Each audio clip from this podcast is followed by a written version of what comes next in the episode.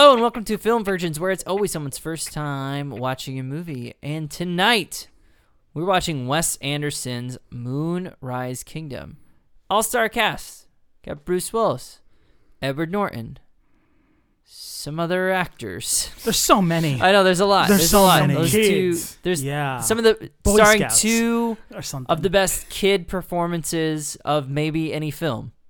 Maybe uh well, maybe not any film. I know like Sixth Sense and there's some some really solid performances. True Grit. True Grit. Mm. There's but there's not too many. You can probably count on your hand how many really great Yeah. uh kid actor performances there are. Jerry Maguire. no. Boo. Boo. That had a bad adult performance in it. The Renee Zellweger. Just because Tom Short's Tom Cruise is short doesn't mean Tom that- Short is cruising. Yeah. Brain crossing wires. Uh, yeah. So this is a great movie and there has a lot of fun stuff in it, Yeah. and I can't wait Yeah. to see it again. My experience with it is I've seen it one time, Yeah. and I saw it out in Colorado in 2012 in this really old theater near Estes Park.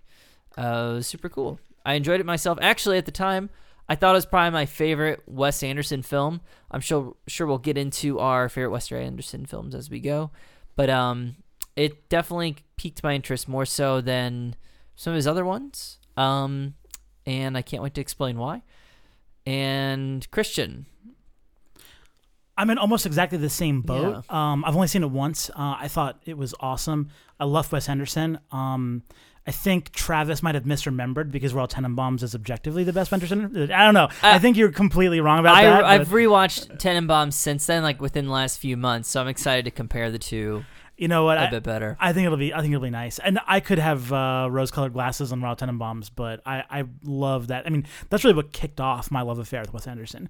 But Moonrise Kingdom, Moonrise Kingdom really continues it. It's a great, it's a great film, and uh, I mean, you said it all. Really great cast, good uh, kid performances, and it's just a really fun film too. You know, some of his films can be a little bit dark. This has some darkness to it, but it's mostly just very fun. Marcus, your tonight's film, Virgin. Yeah. What do you know about Moonrise Kingdom or Wes Anderson? this is the one where all the kids kill each other on the island, right? That's Oh, Lord of the. Flies. That's uh, there is an close. island and there are kids, but I don't. no. I was thinking of uh, a battle royale actually. No, I'm- Yeah, no, I'm just was- kidding. Oh, That's what I was thinking yeah, of when yeah, you I said know. that. No, I'm just kidding. No, I know that that's not what this is about. This is more white kids than less Japanese kids. Mm. But um, yeah, all that I know really is that it's Wes Anderson. Um, has all star cast. Is Frances McDormand in this?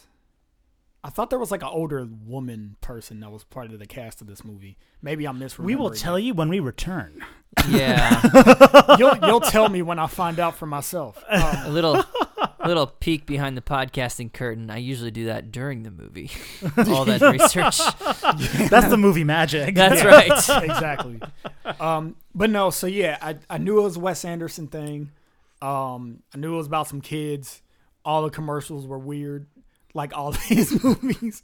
So Yeah, so I never really was in a rush to see it because I'm I'm not I'm not really a a film person. So Well, like, yeah, not- his movies don't really fit neatly into a single genre, Yeah. so it can. It, he kind of is a genre is- unto yeah, I mean, himself. he's almost kind of like when you go watch a Coen brother movie. yeah, except they have a little bit more variety than he does from what I've seen. I've only seen I think maybe 3 other Wes Anderson movies. I would actually compare him more to a Tarantino, and that Hmm. he plays with.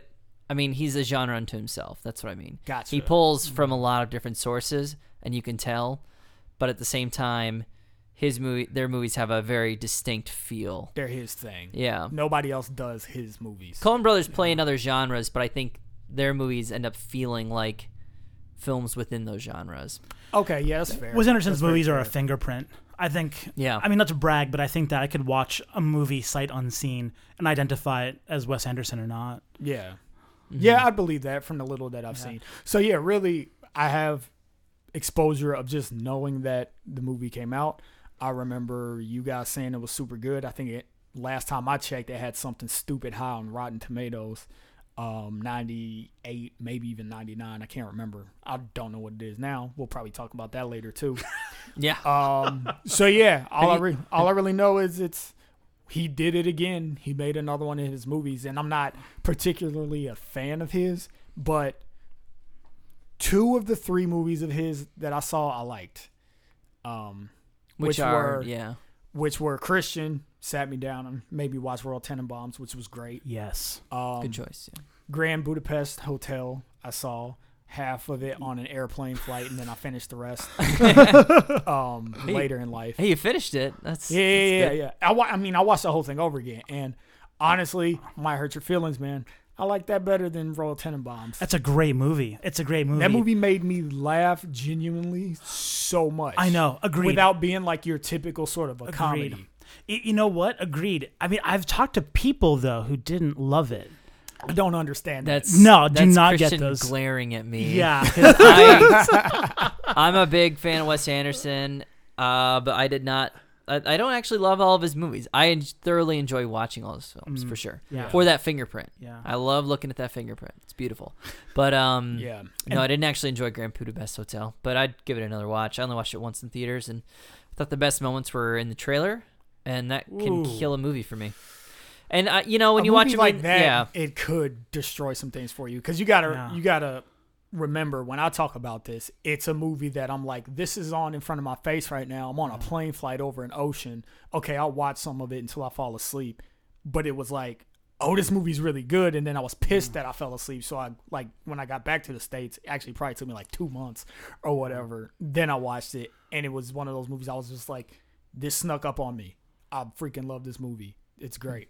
Third one, which was actually the first Wes Anderson movie I saw, I only saw because um, in school, in college, one of my professors, one of my design professors was like, Wes Anderson has a new movie. You'll have to see it. Everybody go see it. So it was homework. and I was like, I don't even know who the fuck that is. And he, so he made us go see Life Aquatic.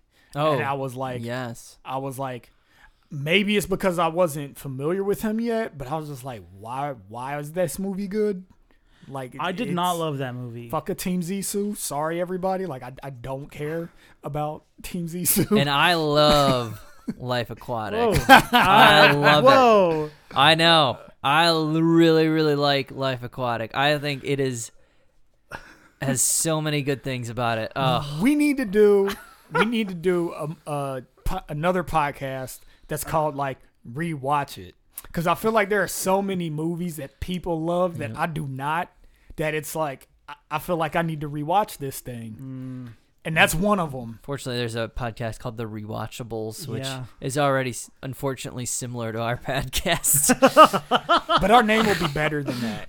Ours will have a sex pun. yeah, exactly. Rewatchability. Refuckables. Refuckables. Make up sex. Make Bam! oh, there That it is is. it. Make Pa- up sex. Patent pending. when you fought hard with the movie and then you decide, you know what? What are we doing with all this fighting? I have some Let's concerns about the domain name availability, but you know, Goodness. All right, let's let's go watch Moonrise Kingdom.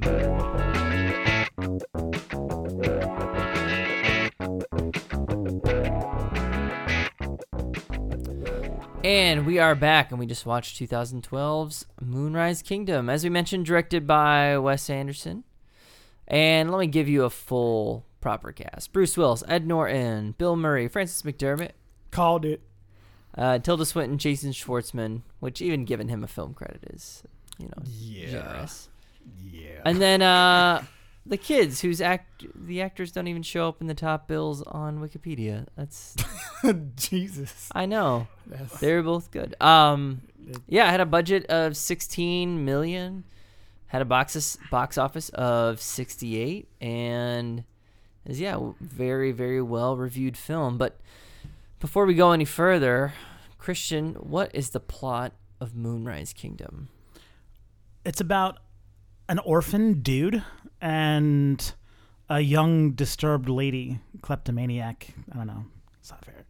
Uh, who fall in love. They're eh, like what early middle school Yeah, the ish. 12 or 13? 12 or 13 is what I Yeah. gathered. Okay, Bruce right. Willis Mid- says mid. 12 to the boy, but we don't know if he was just ballparking it or not. Okay, all but right. Probably accurate. All right, so so middle school of some kind, uh, and they um, so the the dude is part of this uh, the khaki scouts, the thinly veiled Boy Scouts, and Played by Jared Gilman. Jared Gilman. Yes, That's his name. Yes, Proper proper credit. yes, uh, yes. So we'll, we'll let's call him Sam. Um, and uh, the girl I falls in love with is Susie, Played, played by by, Kara Hayward. Yes. and um, yeah, so um, basically they hatch this plan and run off together, and the movie is about um, about the hunt. Well, it starts off about the hunt. Mhm. So yeah, Yeah. Um. Well, Marcus, as the Yes. film virgin, what were your thoughts of Moonrise Kingdom? We mentioned we liked it, but we hadn't seen it too many times. Uh, what was what were your impressions? Um, it was fun. Dare I say, cute in moments. um, definitely typical Wes Anderson stuff. A lot of lateral pans. Mm-hmm. A lot of um, you know, not a whole lot of dynamic shooting. Just kind of like here's where the camera is, and the scene happens.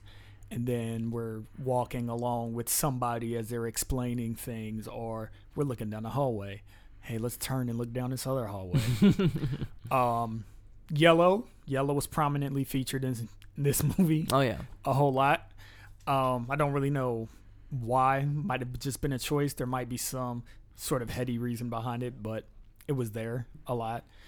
Um, yeah, but I mean, pretty simple, pretty simple story. Uh, not a whole lot of um, twists or turns. You're just kind of following these two kids, and um, you know, in their quest just to really be together and have an adventure um, and kind of all the fallout that happens on one side with the girl's family, on the other side with the khaki scouts, which the boy is quitting. Mm-hmm. Oh, I love the name khaki scouts, by the way. it's hilarious.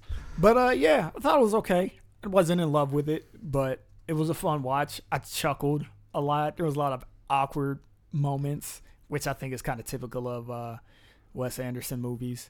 Yeah. That, Um, that's the awkward is the paintbrush she uses. Yeah, pretty much. um, a lot of white people. I never really thought about it. Were there any? Were there any black people? N- Not Were in there- this one. There was. Uh, was there like? there was like a, the maybe guy looked like he might have been Indian or Middle Eastern. yeah. It was like one dude. The only I don't really care, but the only reason that I even noticed that is because I was listening to some other podcast and they were talking about how Wes Anderson, I guess, had received some criticism for you know not really having a diverse cast, which Danny Glover, Royal Tenenbaums. Mm-hmm. The, it's true. the Wilson brothers. Oh wait, Yeah, no, they're pretty white. they are the Oh, Wilson brothers are the epitome of white. Oh wow! Wow, Some wild stuff. Yeah. Wow.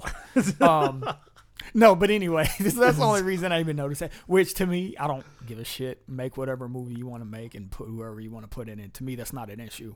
But um, but I just thought I I just thought I'd mention that. Well, it is something you notice now, just because of all the conversation around representation. Yeah, and- yeah, and it's it's kind of a shame because I wouldn't have noticed otherwise. Um, and for those of you who don't know, I am black, so you know I'm not just saying this like as like oh you people shouldn't care. I'm one, I'm one of you people, and I don't give a shit. um, but yeah, Yeah, I have to say, um, I didn't like it as much as I remembered liking it. Not that I didn't like it, not right. but I think a lot of it might have just been where I was at the time. I was living out of a rental car in the mountains of Colorado when I saw this movie.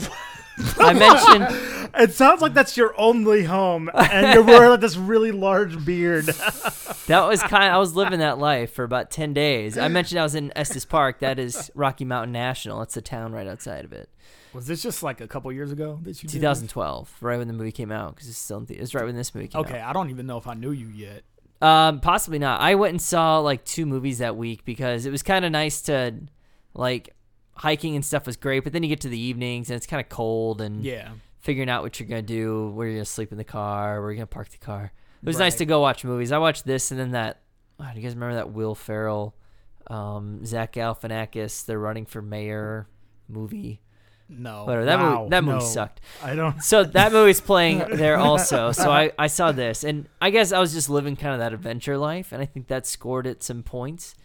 Um, but on this viewing, I found myself enjoying it, but kind of knowing where the story goes.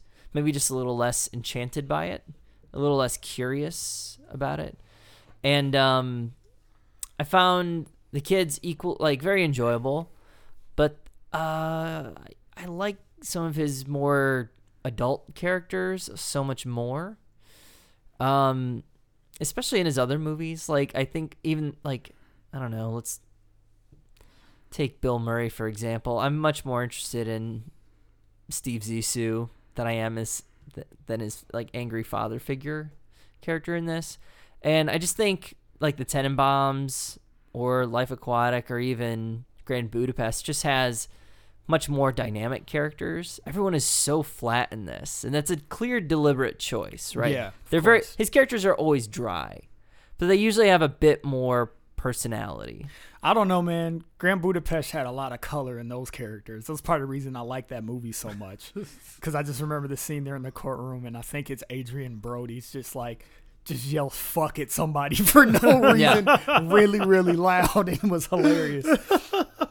I don't know. Where were you feeling this go, Christian? You I'm see- having a tough time articulating it, what I'm feeling. You know what? I think I might. I might know what you're feeling. I really did enjoy it, but yeah, I I remain confident that this is third behind Royal Tenenbaums and Grand Budapest, and I, I think the gap widened a little bit on this watching. Yeah. Um, the affect of the characters I wasn't as concerned with. Okay, first of all, you have to do that with kids. You have to do that.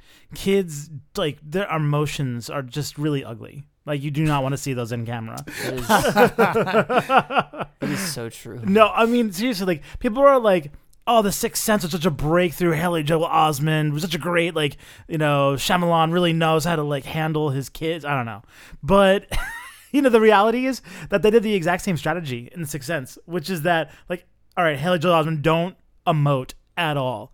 Done.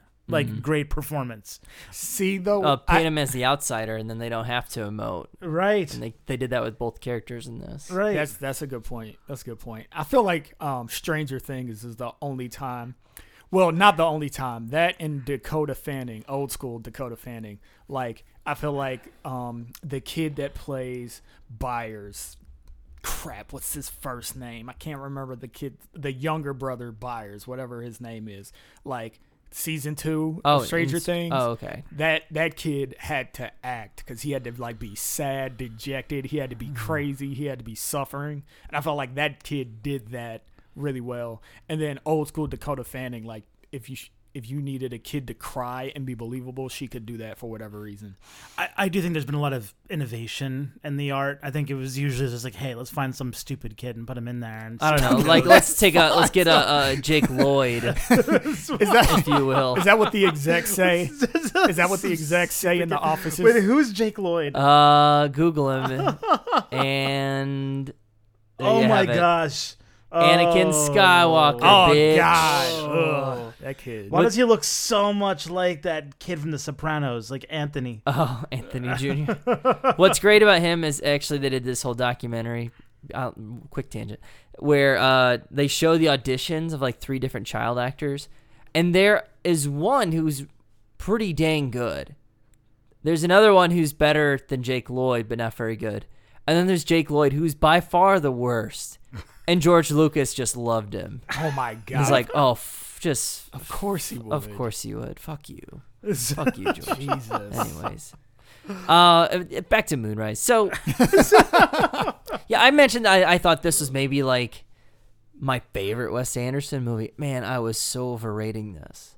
I, I mean, Tenenbaums is is way better.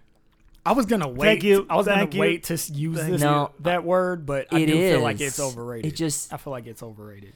it is a good movie, but man, like Tenet, I like. I mean, I like Life Aquatic. The reasons I like Life Aquatic, I think it has some of the driest sense of humor in any Wes Anderson film, and I I love the dry sense of humor. I also love how uh, violent it gets at some points. I mean, there's like a shootout with pirates. Uh, Death scene in the water. oh, it's a great death scene in the it's water. a pretty visceral scene. I Yeah. remember that pretty keenly. along with some of the like those great David Bowie covers and those the side cut of the ship with everybody. I, I mean, I love all that stuff. that was the scene that we had to talk about in class. oh yeah, it's Yeah. wonderful, and I, I think the characters are good in it. I I like all the characters in it, but um, I mean, they steal shit from Jeff Goldblum. It's great.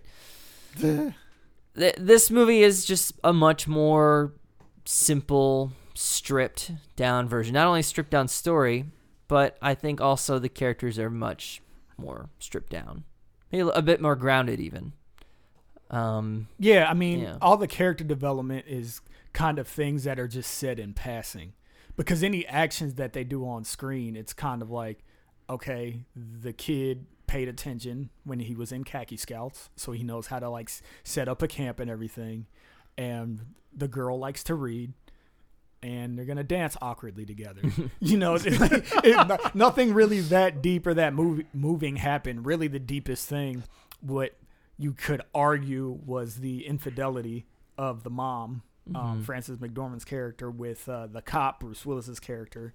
But you, but you know, I'm they they kind of just skimmed that. Like you see, the girl likes to use her binoculars because she likes to pretend that seeing things that are far away really close is her superpower.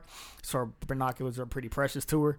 But um, you, the first hint you get of it is she's kind of spying on them inadvertently. She's just looking around and then sees them. and discovers But it. they don't even like make out or kiss. They just share a cigarette, it's kind of talked about. hold hold hands, and then she rides her bike away. hmm You know, and then throughout the movie, just little parts. It's like he's gonna find out. It's like, of course he's gonna find out. And then like, like uh, I'm sorry. You know, they don't really dig. It's deep about as into it. passionate as a Wes Anderson affair gets. Yeah, and that was one thing that I felt was really strange about the movie. I don't know if it was a good thing or a bad thing, um, and I'm guessing he did it for stylistic reasons. But sometimes the conversations that were weird. Like somebody would say something, and then the response that they would get back is just kind of like it. It like skipped a step. So in my head, I'm like, what? I don't even know what this conversation's about right now because one person's kind of like, I'm sorry. And then the other person says, the bathroom is leaking. It's like, and it's not that bad. I'm exaggerating. That's pretty bad. yeah, I'm exaggerating, but I can't pull up any examples right off the top of my head. But I feel like there were a lot of beats like that where it's just kind of like, these aren't people talking to each other right now. hmm And I don't think that it was meant to feel like that because the whole movie doesn't feel like that. But but I don't know. It, it it felt strange to me, and it it took me out even if it's an inefficiency on my part or insufficiency on my part to understand the wit behind it or whatever. hmm Well, let me say a few things that I liked before we, because I don't want to get too negative on this, because this is a good movie. Um, first thing, I mean, obviously the production values are great, but I I do think there's a really good core emotion to this film where everybody wants the best for the boy. It is kind of weird that nobody cares about the girl and her emotional well-being. Uh, her parents don't seem to care. I mean, her mom cares a little bit about her emotional well-being. Her dad does not. Just wants an obedient child. Um, harder to pinpoint what's going on there. You don't really I wanna know elaborate what, what- dad's deal is. I don't feel like I know that dude Well, at all. but but the town really comes around uh, Sam because he's an orphan, and they really come together when they realize he's going to get sent to taken away by social services. yeah to an orphanage, and, I and everyone really cares about him. And I think that's kind of the emotional core. I didn't sense that they cared as much about the girl. I assume that's because she had parents. But um, Yes, nothing so was great. really nothing was really at stake for her necessarily. Like she all, wanted to be with him. That all was that was it. at stake for her was, oh, the boy that you like is going away. yeah, Like you're pretend married. Like shut up, you're 12. Like, but for the boy, it was literally like, okay, he's getting taken away from society and put into a system that's gonna eat him alive. yeah, So the stakes are kind of higher for for him. I feel like- that was the focus. yeah. I like that. I was you know thinking about the girl too, but I think that was that was good. I also like um the first showdown between our was- escapees yeah. and the Boy Scouts. and did you guys recognize the the kind of the bad the leader of the scout troop who Harvey Keitel. Nah, not Harvey Keitel. the of the of the scouts, the young the boys when they're out. Was he the guy? Was he the guy from uh, Grand Budapest? There I- was one guy that looked like he was from Grand Budapest. I think he might be. He's the red haired kid who gets stabbed with the scissors. Oh, He looks familiar, but I don't know from what. I had to look him up. Well, he's in Lady Bird, which I don't know if you guys saw, Oh, no, I haven't but seen it. you recognize him from Three Billboards. That's the brother character. He's all grown up. Whoa! Yeah, that's him. Jesus, kids grow fast as Yeah, shit. totally. well, yeah, he's you know it's this is now six years old, so Yeah, so six year gap. Yeah. fourteen. Yeah, he's twenty now or something like that. Uh, Jesus, I thought he was a great villain, like a little foil for our for Sam. it was fun. That I'm gonna interject. One thing I feel like I the movie did do well. There were these moments where it felt like kids playing adults, Mm. and I love shit like that. Like there was a cartoon back in the day called Recess that I used to love. My dad Oh yeah, used to love it too because the whole show was just based around these elementary school kids at recess where it's their world, it's their time. They have this fake society, everybody has their roles, and they're basically just like parroting what they believe grown-ups do, but it's not Mhm. exactly how they do it. And that's like this scene. I'm gonna let you talk about it more, but that scene was like perfect, Mm. perfect example of that. I love shit like that. Um, yeah, I, I can't. I mean, it was just he's such a he's a good actor, a good kid actor. Uh, and I don't know any any showdown with the, the kids I liked. All the Boy Yeah. Scouts are pretty good though. I like the Boy Scout troop in general and the Boy Scout world that they set up, Yeah, it's Uh, funny. headed It's up fun. by Harvey Keitel and some another a lesser troop by Edward Norton. Uh, I really enjoyed that stuff. So That was fun. that's The, mostly what I like. the treehouse was fun. Oh yeah. Okay, before we get into spoilers, because we haven't really spoiled anything yet, I would like to do a quick game. I want each of you guys to give me the top five Wes Anderson directed films according to IMDb. Okay, so we have I don't even know if I know all well. his movies. Let me go. So we have Bottle Rocket. Okay, okay, so you know, so you're gonna say them in order, right? All right. all right. What you Yeah. want? Yeah. So it, like like the top five rated. Top five right, rated. type five. Okay, so so you give them to me in the order, and you guys. I was can just gonna start and forth. listing So movies. guess, guess, Oh guess no no no one- no! We're not alternating because I have to just look up the filmography. Like I, I don't follow this dude like y'all do. I'm So gonna Travis go go, then I'll go. Okay, all right, all right. according to IMDb. Yes, 'cause that that changes mine. yes. I'm gonna go with number one, Tenenbaums. okay, okay. Number two, Grand Budapest Hotel. Okay. Number three, Moonrise. Okay. Number four, Darjeeling. Five, Rushmore. I bet Rushmore's higher. I maybe is there's a bit of bias because I don't actually like Rushmore. All right. that's all my guess. All right. So you got Royal Tenenbaums, Grand Budapest, Oh fuck, Ma- Moonrise. Kingdom. No. Oh, fantastic. Oh, I'm sorry. So you want to replace one of them? Yeah, get rid of. What would I put at number four? Darjeeling. Yeah, fuck. Um, put Fantastic Mr. Fox at five.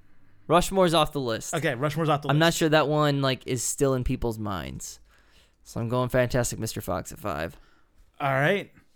All right, Marcus. Do you? uh If Isle of Okay, Dogs this- is in this list, that sh- I'm fuck um, off. I haven't seen it yet. um I'm completely s- s- talking out of turn because like this is not my area of knowledge, expertise, or anything. So just pulling shit out of my ass. Um, literally, it's like nah, not literally. I'll say I see it. I'll say Tenenbaums one, Life Aquatic two, uh, Moonrise three. Um,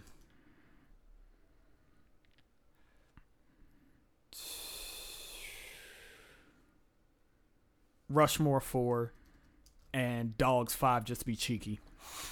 All right. So, um, all right. So I'll give you guys the actual list in order.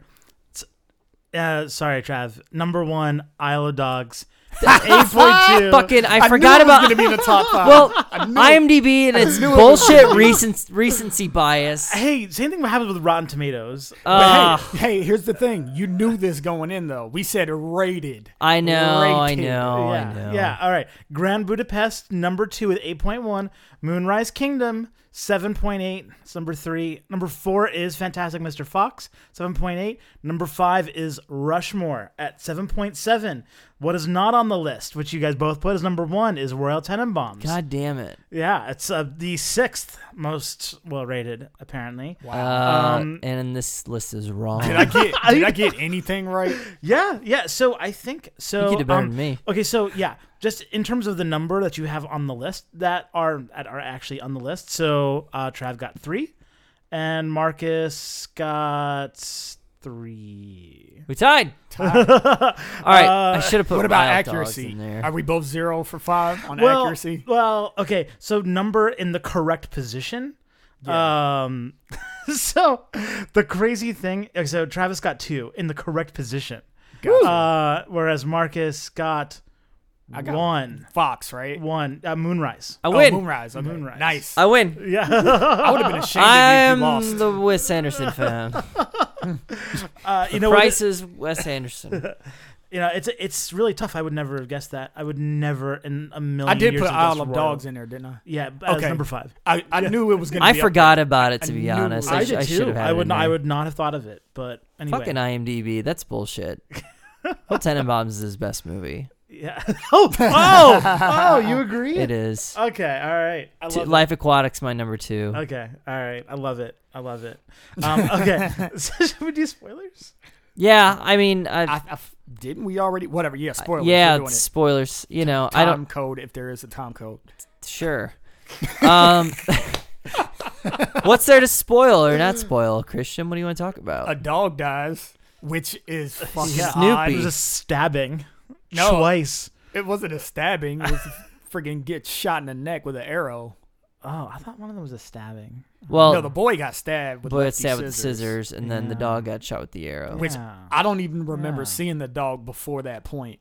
They, they, he's shown. Yeah, they say Snoopy. Bruce Okay. Willis and Frances McDormand are having an affair. I, I mentioned that. Spoiler. I mentioned Okay. that already. How do we feel it, about it Bruce? happens really early on. yeah. How do we feel about Bruce Willis? You know what? The thing was, this is an ensemble cast. This is like the Infinity War of Wes Anderson. I need a Wes Anderson Infinity War now. Oh yeah, we keep. We, it's a inner Wes Anderson connected universe. yes, we'll do a Crisis on Inter- Infinite Earths where and they're gonna there's- need to do a bunch of like green screen, screen and duping because there's gonna be like six Bill Murrays in there. Well, yeah, there's yeah. Luckily, you can make the movie with only ten people. You just need to do that camera trick where you have them both in the same space. exactly. I mean, this is an ensemble cast. There's like 12 stars, legitimate stars in here. And uh, unlike Infinity War, it's an hour and 33 minutes, including credits, and without the stupid end scene. Like- I mean, you know what? There's not a lot of time to really develop anyone. I liked Bruce Willis's character, but there wasn't too much of it. And it could have been played by anyone. Yeah, I think he did fine. Yeah, he could. It could have been played by anyone. Of the adults, he's probably the most sympathetic of any of the adult characters. They call him pathetic, literally. Like a character calls him pathetic. sad, it's dumb. I feel like in a Wes Anderson film, if you don't have like a PhD in something, you're just a dumbass. Yeah. Are, are there any of the char- are there any of the adult actors who you think could not have been easily replaced? Ed Norton, maybe. I agree. That's my agree. closest that I can think of. yeah. I, I I agree that it, it wouldn't be necessarily easy to replace him, but I think it's possible. Oh yeah. No, it's possible. Like okay, in that sense though, I it'd be very difficult for me to think of a movie off top of my head where you literally could not replace the like one of the characters. And the only one that pops into my mind, maybe two, are like Training Day Denzel and like Whiplash J.K. Right. Like other than that, Because if you swap them, you get a completely different movie. yeah, yeah, it's like they they brought everything to those movies. Yeah. But I really don't think that you know, uh, Frances McDormand also did a pretty great job. I think that she would have been a little challenging to replace. Hmm. Um, I don't know. She didn't. She didn't make any. She didn't make any splash for me. Like I, like I said, she did fine. I think everybody did fine. There's very few people in the film though that I'm like, oh, they did great. I think I, I agree. It's not a splash. I just think she's hard to replace. Okay, I could fair just enough. I could picture just throwing in Anjelica Huston, another bit player, you know and what? she'd fit in. Mm. Yeah, fine. but she's good. I mean, that's hard. I mean, that's like I'd say uh, when you can think of like one or two and they're uh, like amazing actresses. You know what? This is unfair. I'm gonna say Tilda Swinton because any just swap anytime- them. no, no, no, no, no. I'm saying as far as like hard to replace because as soon as she's in a Oh. movie, I'm just like, okay, she's in this movie. Because So- she has such like that, like She's really so angry, weird, Yeah, man. she just I seems like her. very unkind, like an unkind person. She just has that face. Yeah. She just has that Tilda Yeah. Swinton face. she gets to be part of my like favorite joke in the movie, which is I mean it's barely a joke. yeah, base social services. E- hang on there, social services. Like her. Everyone calls her.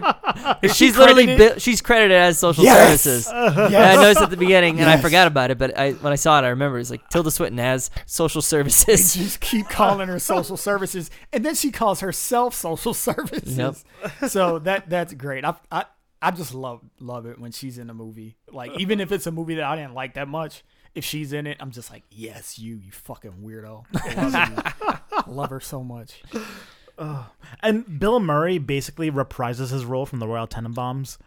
Like Yeah. that dude. He has like, like, the best friend contract or something like oh that. yeah, like Wes Anderson casts him the same way every single time. it's just like, oh, I need someone like I need this archetype. It's like the Bill. Murray I need some kind of sad sack, yeah. old sad sack. He's gonna be like really mopey and speak dryly of suicide. Like this is what he wants. I, I'm gonna I'm gonna talk just briefly about like the the Wes Anderson fingerprint. So Oh, that's um, good. Yeah, the the visual style. I just want to point out is I mean you get it right from the beginning, but there's his fondness for just camera symmetry, where he just he just focuses in like in a room or something like that, a room with mostly symmetrical features, but maybe with one feature that's asymmetrical, you know, a chair in one corner, or you know, someone's face, and there's like that's why he likes Jason Schwartzman. You know, it's like symmetry, but then there's like a Wilson. skin thing on one side, yeah, and uh, but you know you have that like from the very beginning, and his love of subtle oddities. You know, like that girl that's like brushing her teeth and she's using a sepsil to do it, even though at, with the sepsil she's towering over the sink. and you know, or uh, when is it Sam? Uh, Shakusky. yeah, uh, when he when he escapes in the the the early like the first one of the first scenes, he escapes the khaki scouts and a la Shawshank, he's cut a hole in the tent and put a picture over it, even though there's a perfectly usable door in the front. Perfectly usable door, and you would definitely be able to see the hole from the outside of the tent. yes, Yeah, but it was zipped. but it was zipped from the inside. yes. oh, that too. And I love how there was a special utensil. this is a special Yep. tool Un- on On, his the yeah. pocket knife. yeah, it's true. Yes. It's true. and and that his tent has a perfectly symmetrical rug, like in, in khaki Yeah. scouts, and then a made bed. Yeah. I don't know. It's it's great. No, that's awesome. Piggybacking off of that idea of just subtle oddities, he um he loves to um incorporate odd signage that looks very authentic. Um, but like so they're on Penzance Island. What's the island called? Oh. It's it's made up. It's gotta Yeah. be made Yeah, it's all made up. um, but anyway, like everything's like island police, island phone. I don't think there was an island phone, but but you know, it would say like in real life it would be such and such island police department, not island police, mm-hmm. and just little things like that. Signs above doors that are just, it's just. One word is off. One word makes it seem weird. So it's not like slapstick humor or like you know where you're like punched in the face with it. It's something that you like casually observe you know while your characters are like doing something subtle and minute in the foreground. Like all of that that stuff's just everywhere in it. And i just love i love how believable it is if you don't pay attention to it. Like he always pays particular attention to those details Yeah. which i love. And i mean the dude loves type which makes me happy because like his credits are always typeset really freaking uniquely and awesomely using like really cool typefaces that are not your standard whatever they're mm-hmm. gonna use on a rolling credits or whatnot. So like all that stuff is it's always it's on par. He just carries that through in this movie. Yeah, he's really good at crafting a specific world. I mean, that's that thumbprint too. I think like Yeah. it's not quite unrealistic, but it's not quite realistic either. It lives in this fun little middle ground that we don't. Actually, we talked about it in our last episode on Maverick. How it occupies this middle space that most movies don't quite operate in anymore. And I think his movies kind of operate in that way too. Like there's yeah.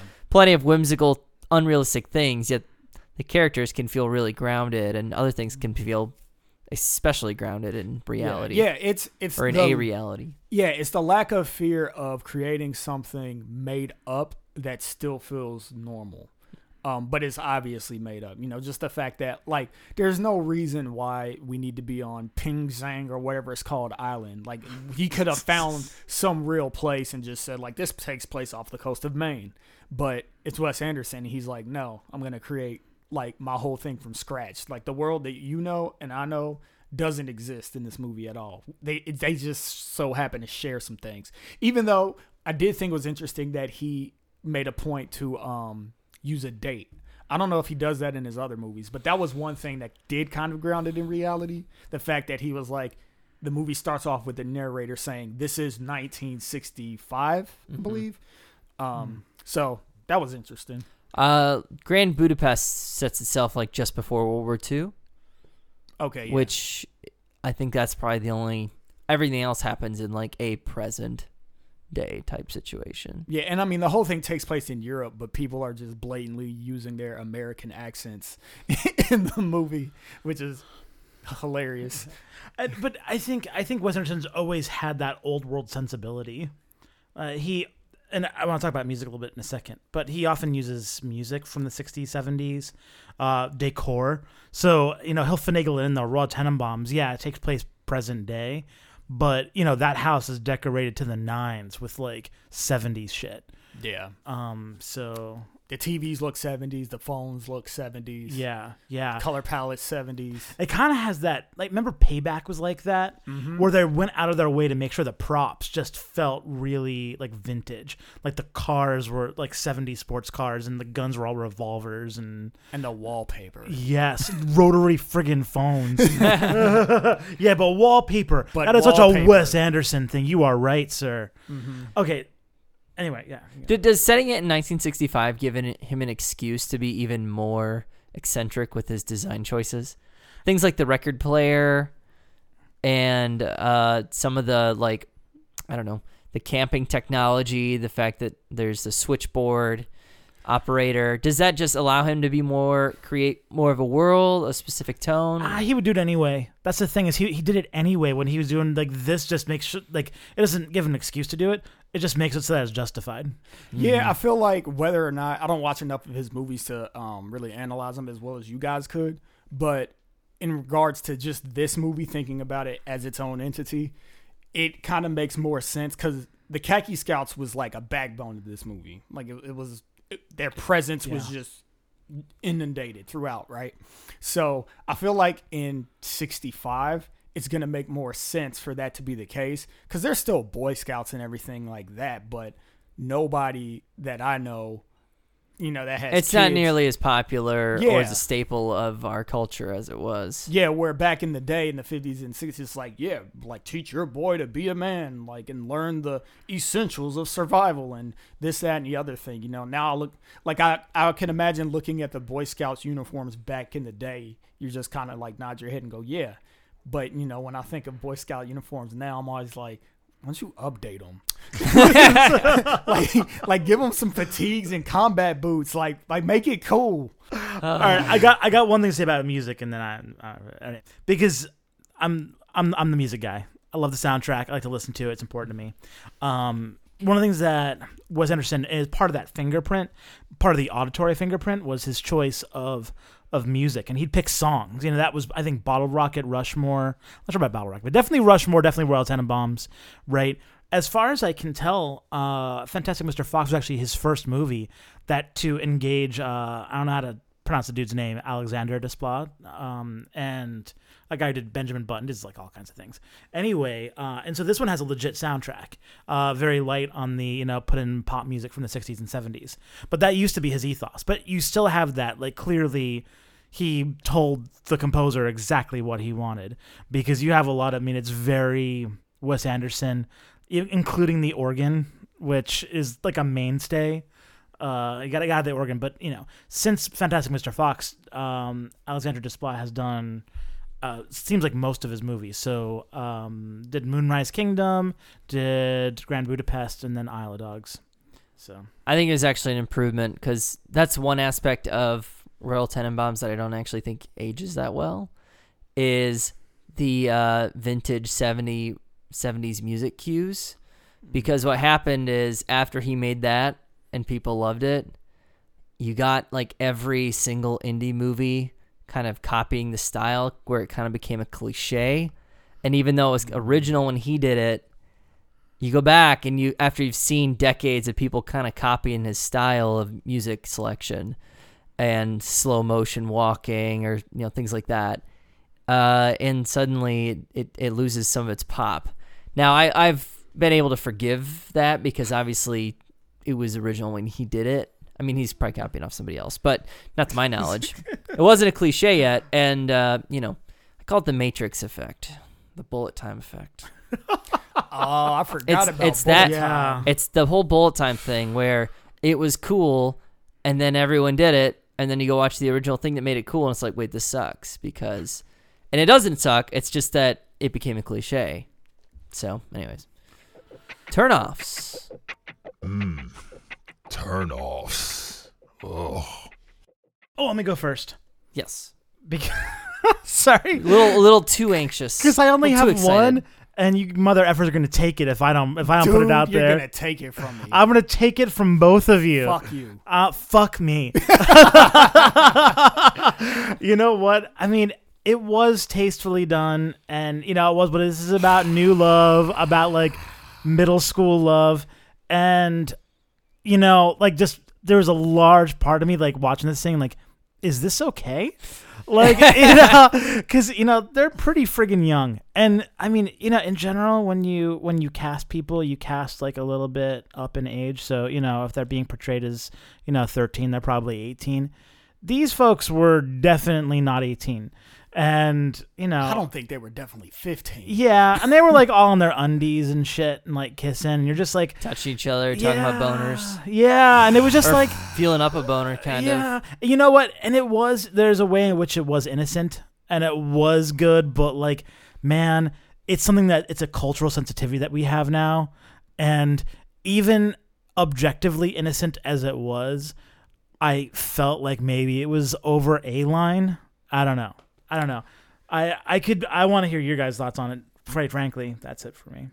I think it's done about as well as it could have been. They're in the hands of a lesser director. Uh, that scene doesn't play, yeah. but I think he captures at least some of that, some of what you said. Like he captures the, um, although they're they're dipping their toes into adulthood on this adventure, they're still kids. They still act like kids, and um, I think that innocence is still there, and so the scene kind of works and. Um, it's also something that kids experience together, Yeah. oftentimes at that age. And so I think it's a legitimate scene to have. It's not like those experiences for kids don't happen. They don't have it on some magical island in the, you know, northeastern United States. But, you know, sorry, I, just just to be fair, just I'm just going to point this out. Just because kids experience it doesn't mean it's good for the camera, right? Because like there's a lot of kids that are under 18 that have sex, and it is really good that we do not show that on camera because that's way over the line. Legally never mind socially or ethically. And hmm. so you know just because it happens in real life doesn't make it okay. I get what you're saying. I get what you're saying and i i, I think it's a good defense. I'm just saying that particular point holds no water with me It was good, but I hate it, and you're wrong. That's what I heard. That's what I heard. Don't be that dude. So what you're saying is, So what you're I saying hate is we're not friends anymore. yeah, no, no, no, no. Uh, I don't know. I mean, that's true too. Uh, I'd have to think more time for a rebuttal. I all I can defend. I think I can only defend how it felt. It didn't feel too creepy. Yeah, I, and I, I, think maybe maybe because I think about when I was 13 and I put myself in the in those kids' shoes and I think I can see how I would react in that situation. Mm. And I think actually Wes Anderson captures how a lot of us would react at that age in a sexually promiscuous situation. Mm. And I guess that's why it doesn't ring too well. But should you capture it on camera? Eh, I don't know. Any other turnoffs besides that? We talked about a few of them already. Schwartzman. Not enough shorts.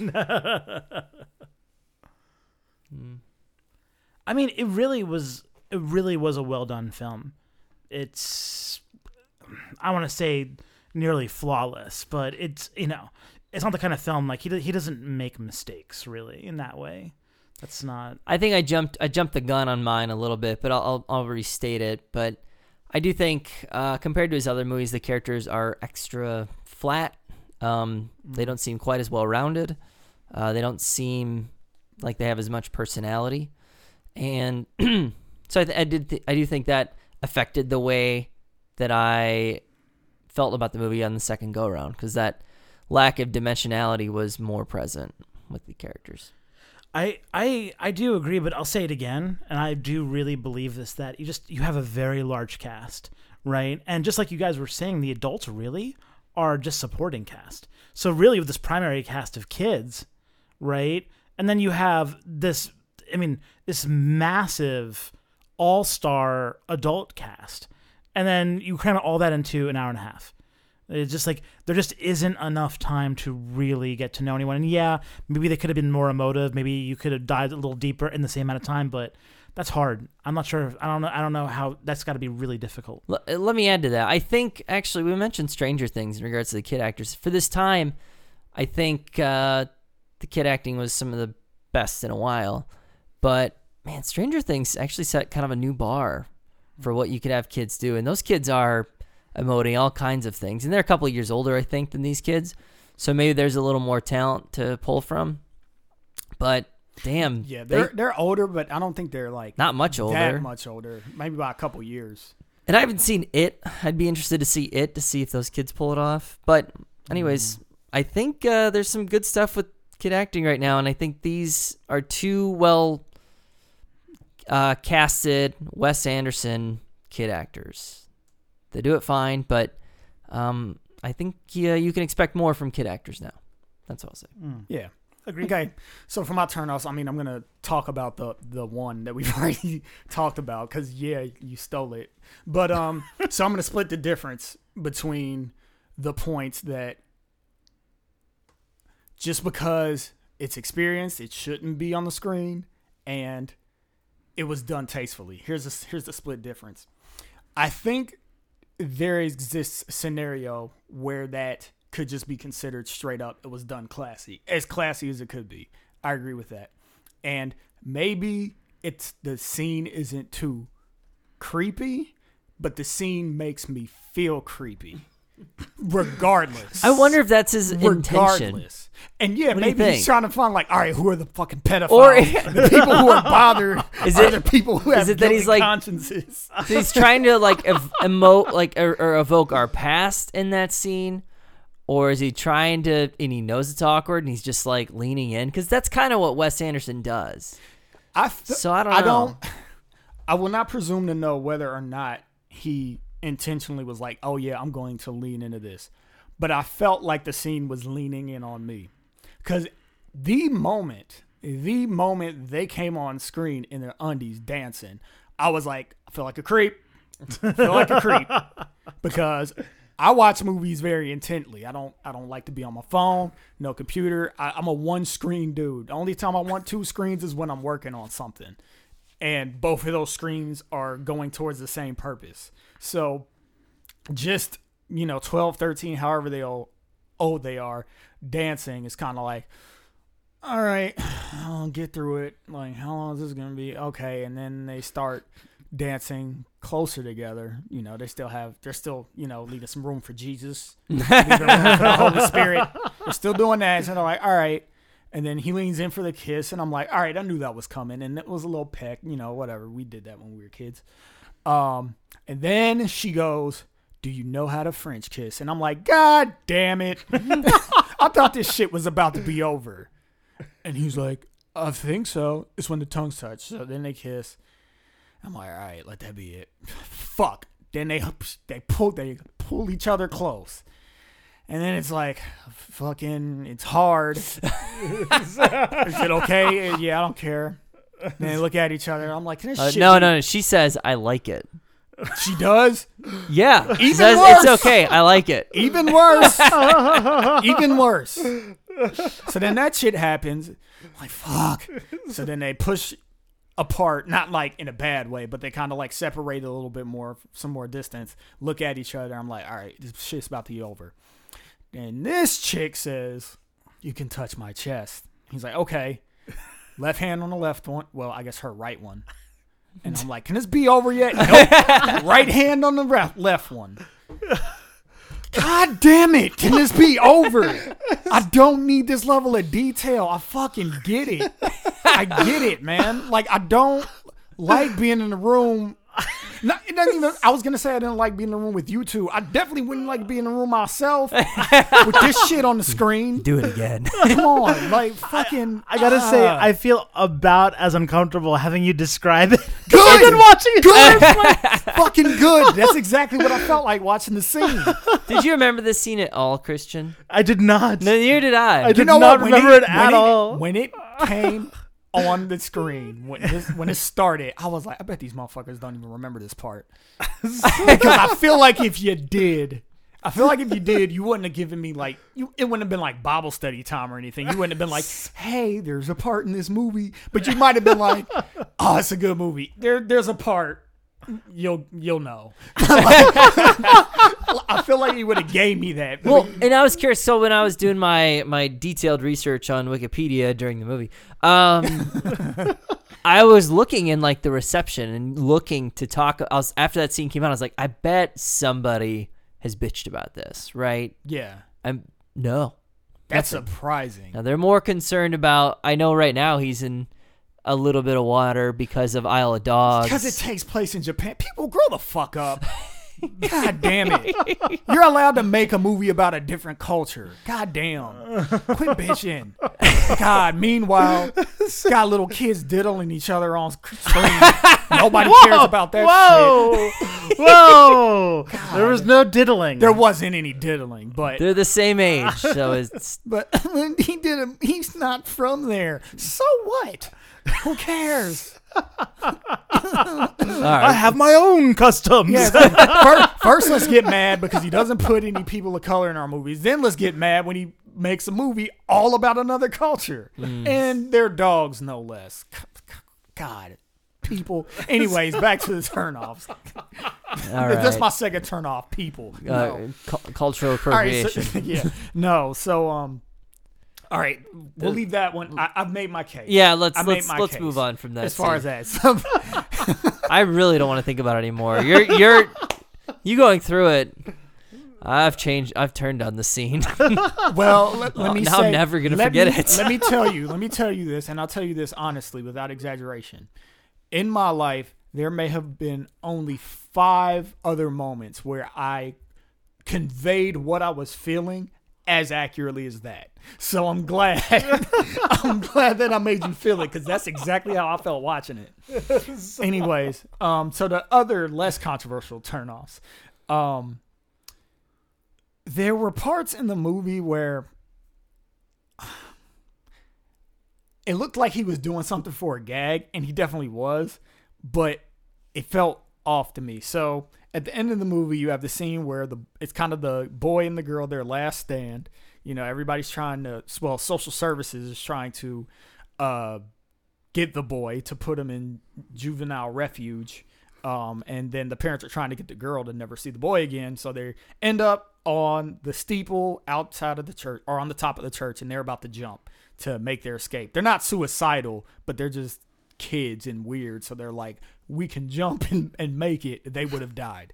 there's, Yeah. there's no way they would have been able to make it. But anyways, um, they settle everything out. The kids are about to go back down, and then a lightning bolt hits, and then you're like, oh shit, are they dead? And then they kind of pan to what is obviously a miniature of the church, and then you see, I don't even know if they were actual silhouettes of like 3D figures or if it was like a cutout or a painting, but you see um, Bruce Willis's character, he's like hanging by a line by his foot to what remains of the steeple. He has the hand of the boy, and then the boy has the hand of the girl, and they're all like hanging off the roof. But it's like obviously a a, a facsimile, a, a diorama of what's happening. And I know that Wes Anderson does this. And in Grand Budapest, he actually did this with a chase, a downhill chasing, like skiing. but that one was really funny because they were going so impossibly fast. and it was just, it just, you couldn't help but laugh. Like it, he went for it. He went all the way there. The moments where that happened in this movie, he didn't go all the way. So it just felt The other, odd to me. I assume the other moment being uh, when he saves the scoutmaster and it Um, makes the jump over the. No, I was fine with that. You're fine with that? No, no, no, no. Actually, no. You're right. I wasn't. Fi- I was fine with Ed Norton's character or stunt double jumping and sliding.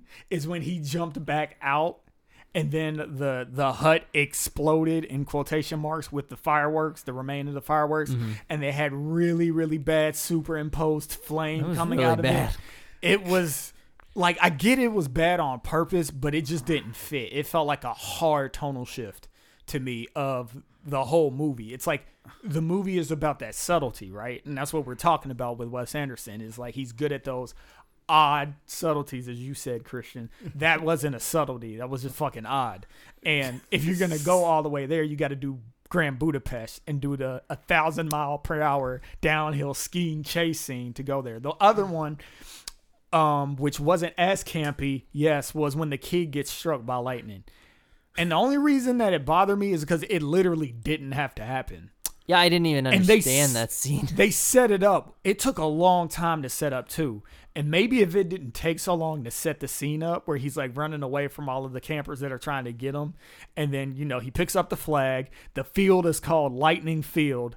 There's freaking rocks just stacked on each other and you're like, he's going to go on top of that thing of rocks and, you know, put the flag in the air and I was thinking maybe he was gonna use the lightning to create a shockwave. I mean, this is like my Marvel superhero stuff coming out. Like, you know, redirect it somehow, lightning bend the shit or something. I don't know. And that didn't happen. He just got hit by the lightning, and then the people found him, and he was like, "I'm all right." And then they continued running, And then it just, yeah, moves on. and it was just like, "What the? Why did you just spend a minute setting that up and paying it off with, oh, I'm fine."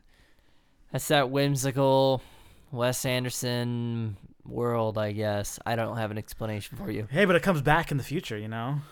I'll still have lightning in me. Ooh.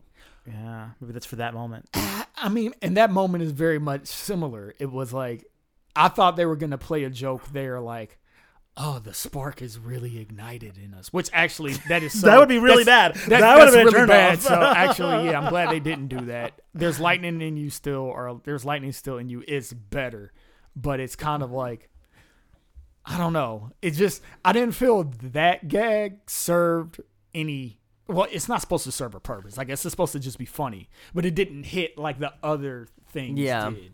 The other, Like- the other uh, idiosyncrasies of the film, Right. Like so I felt like that was probably a or the other things that the kayak, uh, kayak, the khaki troops do, and Yeah. So maybe that's just one of those things where, you know, it seemed really good on paper and it seemed really good, you know, in pre production or whatever, but there's no, I don't know what the right way to execute that is, but it, it just didn't hit for me.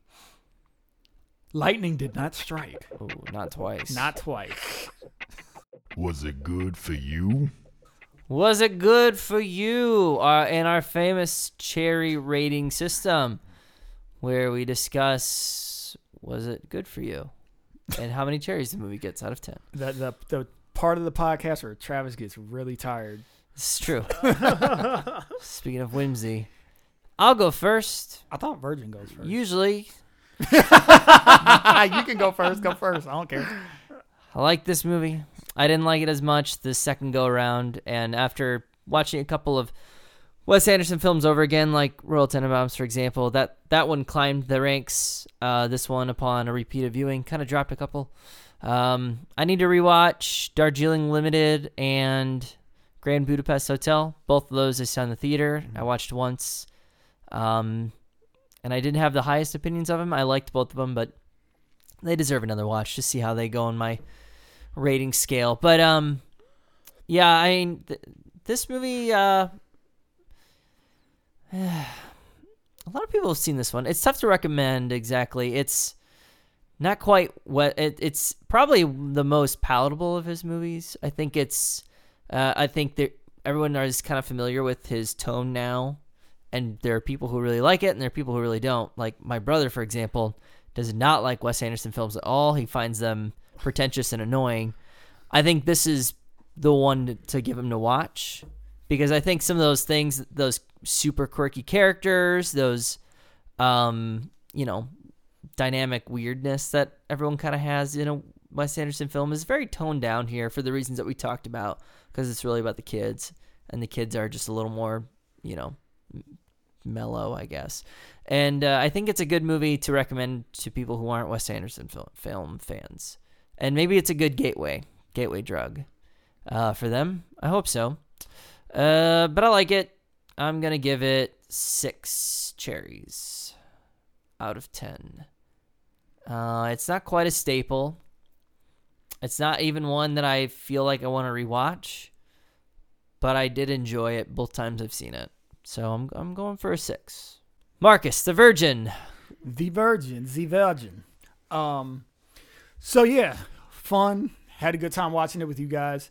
Um, like I said before, um, chuckled. I chuckled through the whole thing, smiled. It was fun. It was amusing. It was cute in moments. Um, it was awesome in the fact that you do get this sense where you're just rooting for the two kids to be together. They have no real solid reasons to be together. They're both 12. They haven't figured themselves out yet. And, um, you know, they, they believe they're in love. And really what they're probably in is just puppy love. Um, because they really don't I don't think they know enough about themselves, let alone let let alone each other to be in for real what you call real love. Um, but this movie isn't painting that picture. The the movie is basically it's just a fantasy. It's just it's, it's like Dr. Seuss almost, you know. And you you just want the characters to feel good in the end. And it just so happens that them being together is what's going to make them feel good. Setting them up as misfits also helps. I always relate to misfits because I always felt like I was a little bit of one. Um, so, you know, more interesting than a lot of love stories that I've seen in movies and TV. Um, didn't make me want to gag. But, um, you know, all that being said, uh, I do feel like they already say it's overrated. I feel like it's overrated. Like the more we talked about it, the more severely I feel it's overrated. And um, the kid acting was fine, but I also feel that was overrated. Um, some of the best child acting was actually not the uh, two main characters, in my opinion. Um, the girl has three little brothers, and the dark hair one, he was fucking hilarious. like he was like a sarcastic 35 year old in like a six year old body. Everything he said, like, just that was hilarious. And then, like, the scout troop, like, all of those kids, I like those kids, like, you know, better than the other two. Not saying anything bad about the other two. It's just watching them, I was like, oh, I thought I was going to get surprised by their performances. I wasn't. I was just kind of like, all right, these are kids acting. And the flatness of the movie, I feel like, uh, catered to that. So good job, I guess.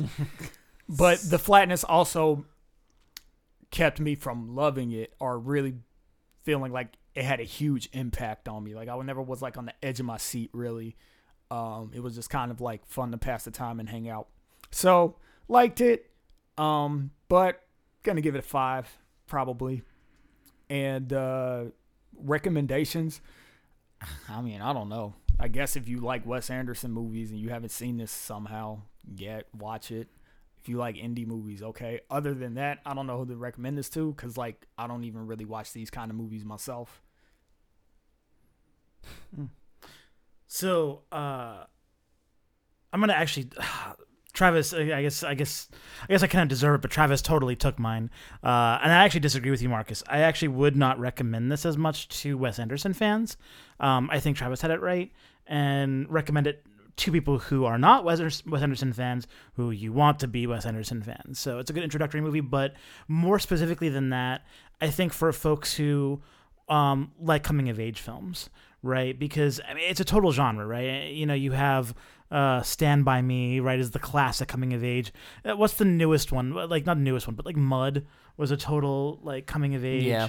Um, things like that, right? And uh, I think because there's there's two other movies you can use to introduce people to Wes Anderson. One is um, Grand Budapest. That's for someone who likes a little bit edgier content. I think maybe even like Tarantino, maybe.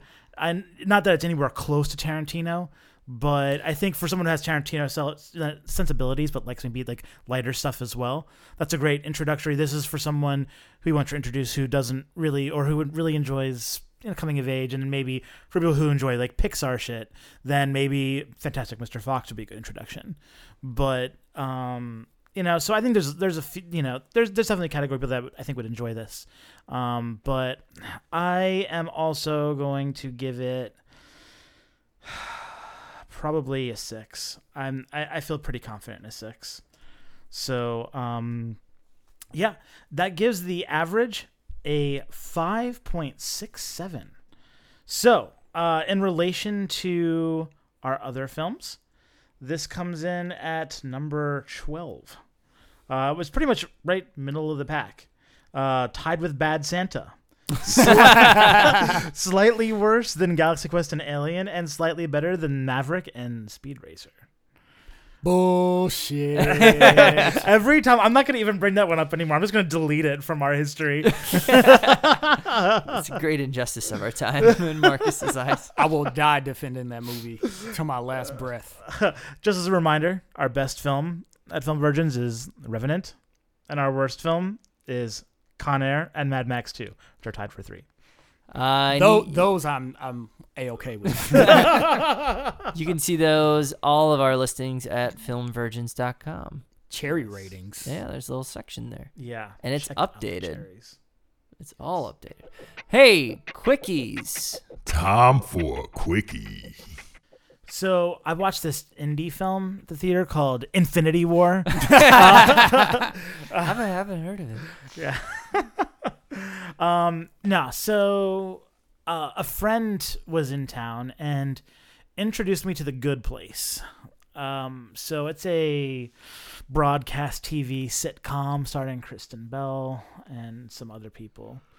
Um, it's good. I, you know, it's interesting. I don't know. It's it's probably about as good as you get from broadcast TV these days um, which isn't saying much because broadcast TV is just horrific. I've heard it's good. Y- you know what? There's a lot to like about it. Um, so uh, I have I have some family members who uh, are philosophers, and there's some philosophy in this. It's kind of interesting, and you know, moral philosophy mostly, and and only grazed over really. But you know, even just the mention of it and talking about it, even the broadest possible terms is really pretty interesting for a broadcast TV show. So uh, I do appreciate that. And you know what? It's totally light fare. There's very little challenging about it, despite it being essentially about the afterlife. Um, it's uh, quick pl- pl- uh, plot summary is um, the afterlife has two places the good place and the bad place which respectively are i guess heaven and hell but they don't use that name. And uh, we follow a character um, who is in the good place accidentally and because they confused her with someone else who was actually good. So anyway light fare. If you're looking for something light not challenging and on the slightly high side of broadcast tv quality check out the good place Yeah, um, I have been. I just started Atlanta season two, and if you haven't seen Atlanta season one, um, I've actually kind of become a fan of Hulu, a, a supporter of Hulu. I think uh, it's worth having for a month or two, and catching up on some of these better shows that are on FX because I think uh, FX has been killing it and has some excellent, excellent shows. It's Fargo, uh, Atlanta. What, what's another good FX show right now? Is Legion on FX or is that Legion no. is and Legion. Legion. Legion's on FX. Legion's not on Hulu. Yeah, it is. It is. That's how I've been watching it, The fuck? Yeah, I didn't know this shit. yeah, dude. Season one, it's on because season two just started, so they dropped it. Yeah, The fuck? I, well, I have to watch that now. yeah, uh, yeah. So FX, like Hulu, is killing it because FX is killing it, and so I, uh, I, I watched all of Atlanta season one, and I mean, I love Donald Glover because I was a big Community fan. Uh, I like his stand up, and I like Childish Gambino, so I'm, I'm obviously predisposed to like it. But man, the show just exceeds expectations, and it's just so funny and and yet poignant. I don't want to say serious. Poignant is the word I will choose. And um, like one of my favorite se- favorite scenes in season one is uh, Donald Glover's Glover's character who is uh, trying to become his cousin's manager, who's kind of an up and comer in the rap game. He's got a popular mixtape out in in uh, Atlanta, and uh, he gets arrested because he's out doing gang shit with his cousin, and who's a bit of a hothead. And uh, he's in prison, and there's this there's this like clearly mentally ill guy who's fucking around with the cops. He must get all arrested all the time. Everyone's just laughing. They're kind of making fun of him, right? And then he start. Oh gosh, I can't remember exactly what he does. Is, He, is uh, he is he peeing? No, he has he has a thing of uh, a cup of what appears to be water. Uh, He appears to be. Yeah, either people are wondering if it's piss, and in the scene he he's drinking it and everyone's grossed out and super like oh gross and then a cop comes up to him man what are you drinking and he spits in the cop's face and the cop just proceeds to beat the shit out of him in a super realistic way. And it just like turns on a dime. Like it's just that it has that kind of intensity to it. It can be super funny and then it's just like what the fuck? And um, that's probably the best example of that but it's it's just really fun. The tone is all over the place. Um, it's really broad but super smart and i really like the first episode of season two um, hoping to catch up with it here soon because i think they're almost done with the season actually at this point but um we're done with it by the time this comes out so atlanta watch it super good Seconded, it is the best sitcom out right now. Yeah. Well, my media game's kind of kind of slow right now. Haven't really been diving deep into much. Um, but to kind of revisit a quickie that Travis you brought up some weeks ago, maybe even a month ago. Um, I went and I tried to listen to, or not tried to, but I listened to um, some of the later albums of Logic. You were talking about Shit, yeah. his 2015 album. um, what is it? The, And The Incredible real- Journey. Yeah, the incredible, the And- real incredible story, or the Oh, yeah, yeah, yeah. incredible story. Yeah. something like that. And I said in that podcast, uh, some guy Logic. Apparently, Logic had a number one song last year. Uh huh. The one eight. It's like the the name of the song is the Suicide Hotline, Oh, okay. and it was like a big song. He was on Ellen. Oh, I didn't know any of that shit. Oh, okay, so we're Uh, just we're just showing how lame we are. That we, Yeah, we're so out of touch. yeah, like ugh, like oh, You ever heard of Logic? Logic? Oh, I've never heard of him. It's No, like, he's playing like stadiums now. Yeah. Meanwhile, this dude is killing fucking. I know some jackasses that are like thinking he's some underground Yeah. dude. See, I told you I wasn't a hip hop aficionado. Yeah. You tried to call me that in that podcast. I'm Ah. not. well, there we go. We've corrected the record. Logic is big, and Marcus isn't cool. Yeah, no, I'm not. That's true.